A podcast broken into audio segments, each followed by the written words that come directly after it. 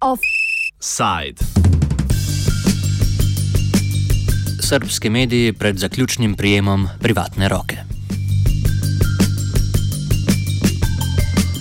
Medijska privatizacija ponovno razburja in predvsem deli novinarje v Srbiji. Tamkajšnja agencija za privatizacijo bo v teh dneh začela z javnimi razpisi za prodajo državnih deležev v več kot 70 medijih, kolikor jih obsega agencijski prodajni seznam. Država se mora v skladu z zakonom o javnem informiranju in medijih iz medijskega lastništva umakniti najkasneje do začetka julija. Privatizacija pa bo tagirala predvsem številne srpske lokalne medije. Sindikat novinarjev Srbije, krajše Sinos, že dlje časa opozarja, da bo sklepna faza privatizacije uničila predvsem lokalno medijsko krajino v Srbiji. Včeraj pa so poslance Narodne skupščine pozvali k odločitvi privatizacijskega procesa. Predsednica Sinosa Dragana Čabrkapa.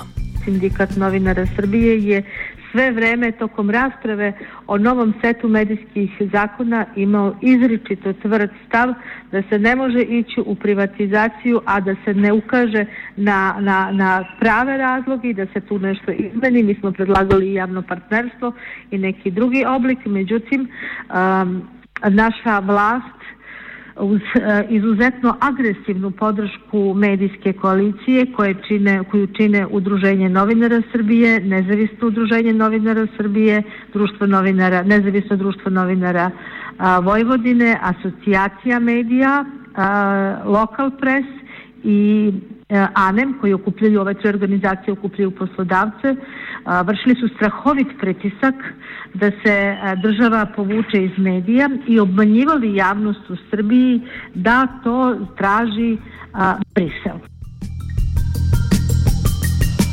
Sindikat novinarjev Srbije je pri nasprotovanju medijski privatizaciji osamljen, saj kot smo slišali, druge novinarske organizacije umik države iz medijev podpirajo. Med njimi tudi neodvisno Združenje novinarjev Srbije, krajše NUNS, v katerem smatrajo, da je končanje privatizacijskega procesa nujno. Predsednik NUNS-a Vukašin Obradović. Pa mi mislimo da je privatizacija nužna u Srbiji pre svega zbog načina finansiranja i zbog činjenice da postoji preko 1300 registrovanih javnih glasila, od kojih 110 televizija i 250 radio stanica. Dakle, privatizacija, koje se, privatizacija je nužna jer se veliki broj stanica finansira iz budžeta što od 1. juna neće biti, neće biti moguće. Podporniki od prodaje državnih deležev v preostalih javnih medijih se sklicujejo predvsem na priporočila Evropske unije, ki naj bi zahtevala lastniške spremembe v duhu medijskega pluralizma. Toda, kot pojasnjuje Čabar Kapa, takšne interpretacije bruselskih priporočil niso povsem točne.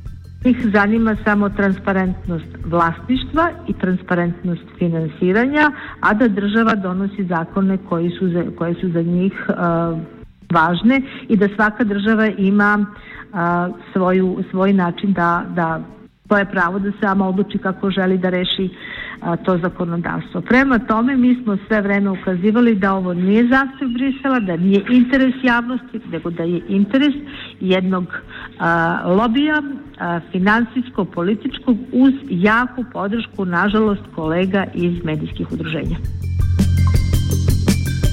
V srpskem novinarskem sindikatu se bojijo zlasti za usodo lokalnih medijev, predvsem na osnovi dosedanjih privatizacijskih izkušenj. Mi smo imali privatizaciju koja je polovinom prošle decenije sprovedena u Srbiji i čije su posledice bile katastrofalne. Medije su uglavnom kupovali tajkuni da bi uzeli zgrade, posle toga su ih vrlo brzo gasili javnost u tim gradovima je ostajala bez informacija koje su značajne za njihovu sredinu, a naše kolege bez posla. Tu imamo situaciju da su se neki kolege i tužile, da je to išlo jako teško, ali ovaj, u svakom slučaju mi od 56 privatizacija ili 57 nisam baš sigurna, a, nemamo ni jedan pozitivan primer. Do prvega medijskega privatizacijskega vala je kritičen tudi profesor teorije medijev na Beograjski fakulteti za medije in komunikacije Boban Tomič. In to je se i pokazalo, jer veliki broj privatizacija od 100 preduzeća nije uspešan i nije dobro prošao. Više od polovine privatizacija su propale, preduzeća su otišla kasnije u stečaj, neka su namerno zatvorena, dok ima onih koji funkcionišu i danas, ali nema nekih, da kažem, primjera jako dobrog progresa i napretka. E, mi skoro da nemamo preduzeća koja su privatizovana da su osnovala nove medije.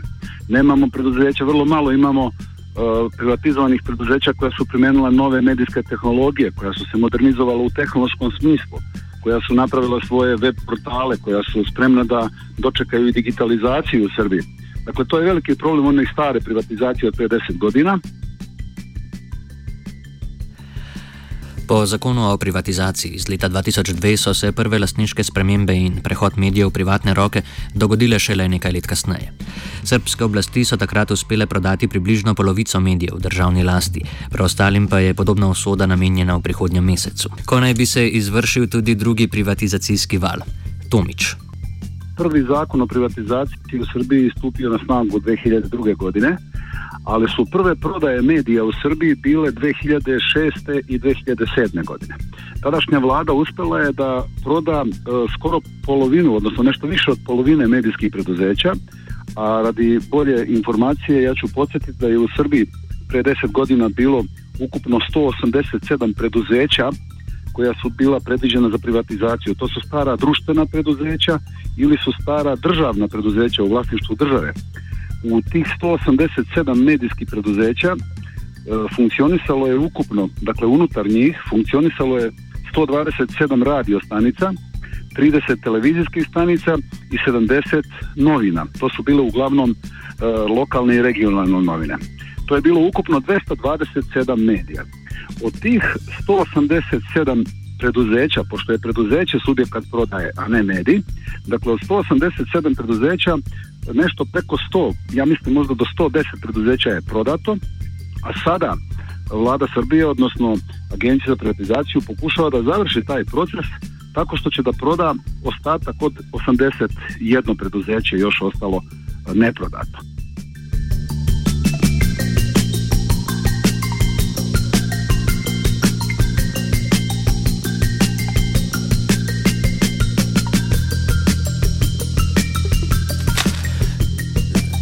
Nekaj zmede nikoli ne škodi. Na seznamu Srpske agencije za privatizacijo je trenutno 72 medijev. Kot smo slišali, pa jih bo državne lastnike za privatne zamenjalo še več.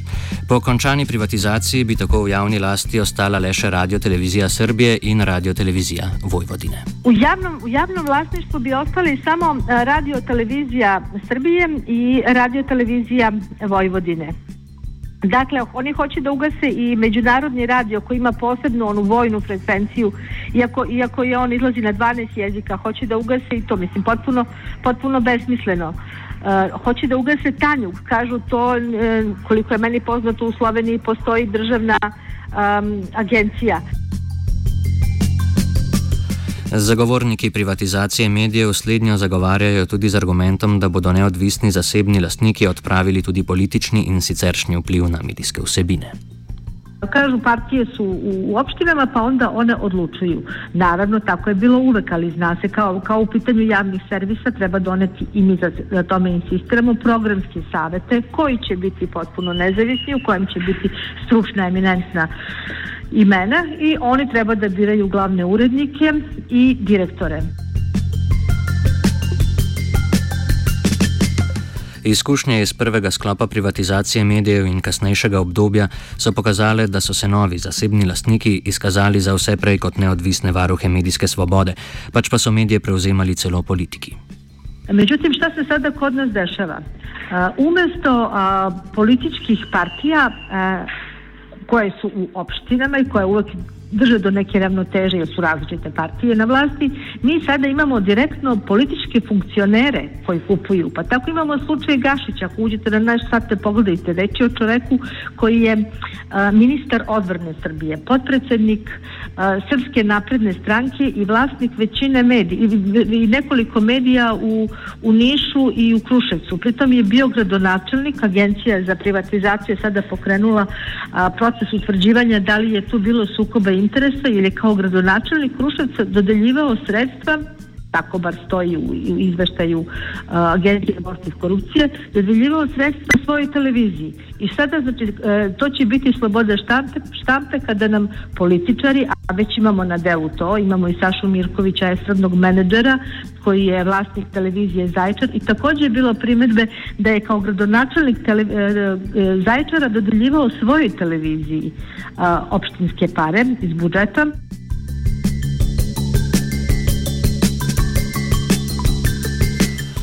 Da tudi aktualni privatizacijski proces nudi priložnost za nadaljne sporne lastniške prevzeme, kaže podatek, da bodo lastniške deleže medijev lahko kupovala tudi offshore podjetja.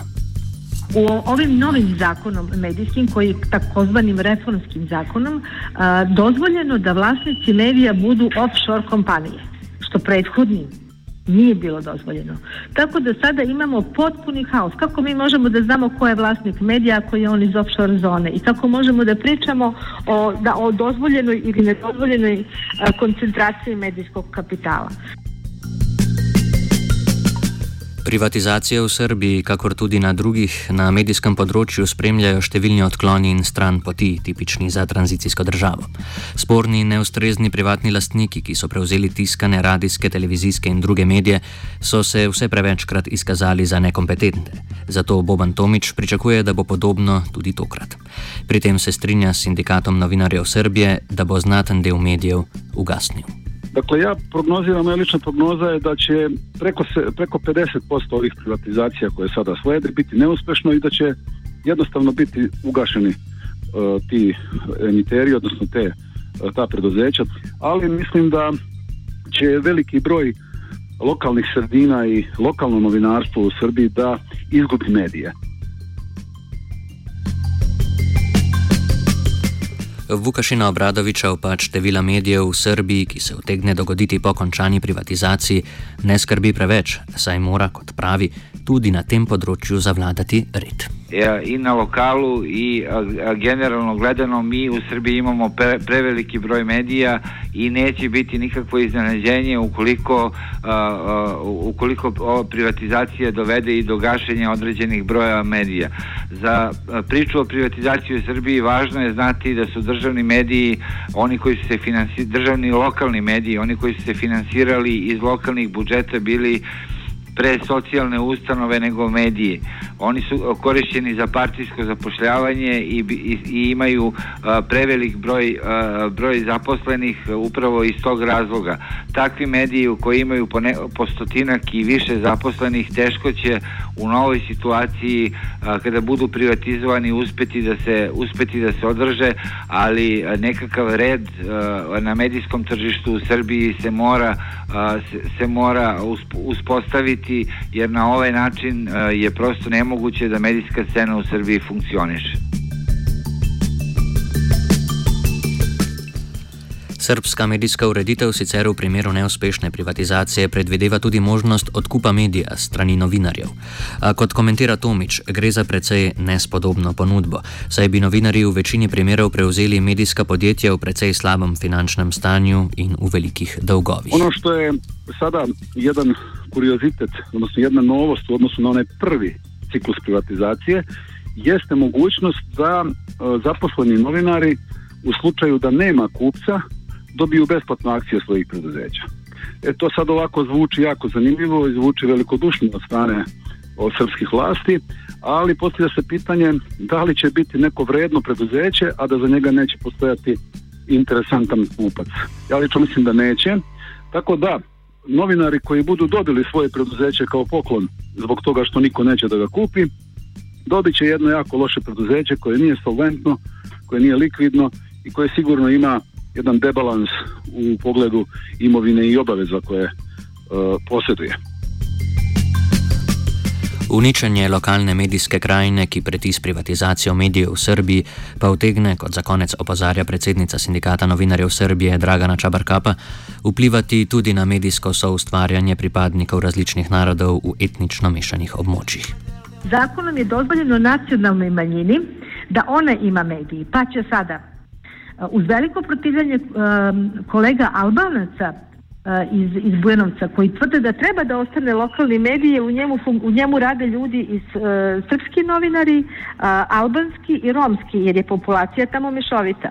I sada će taj medij biti ugašen, pa će onda samo Albanci kao manjina preko svog nacionalnog saveta moći da formiraju svoje medije samo za, za svoje za svoje jezičko područje. Dakle, država Srbije radi protiv interesa Srbije, a Albanci traže da se štite i interesi Srba i, i Roma. Imamo uh, istu situaciju recimo u, u, u, u ovom uh, Dimitrovgradu, televizija Caribrod, gde uh, bugarska nacionalna manjina će sada preko svog nacionalnog saveta da formira svoju televiziju jer se gasi, jer se gasi lokalni mediji. Offside je pripravil Marcin.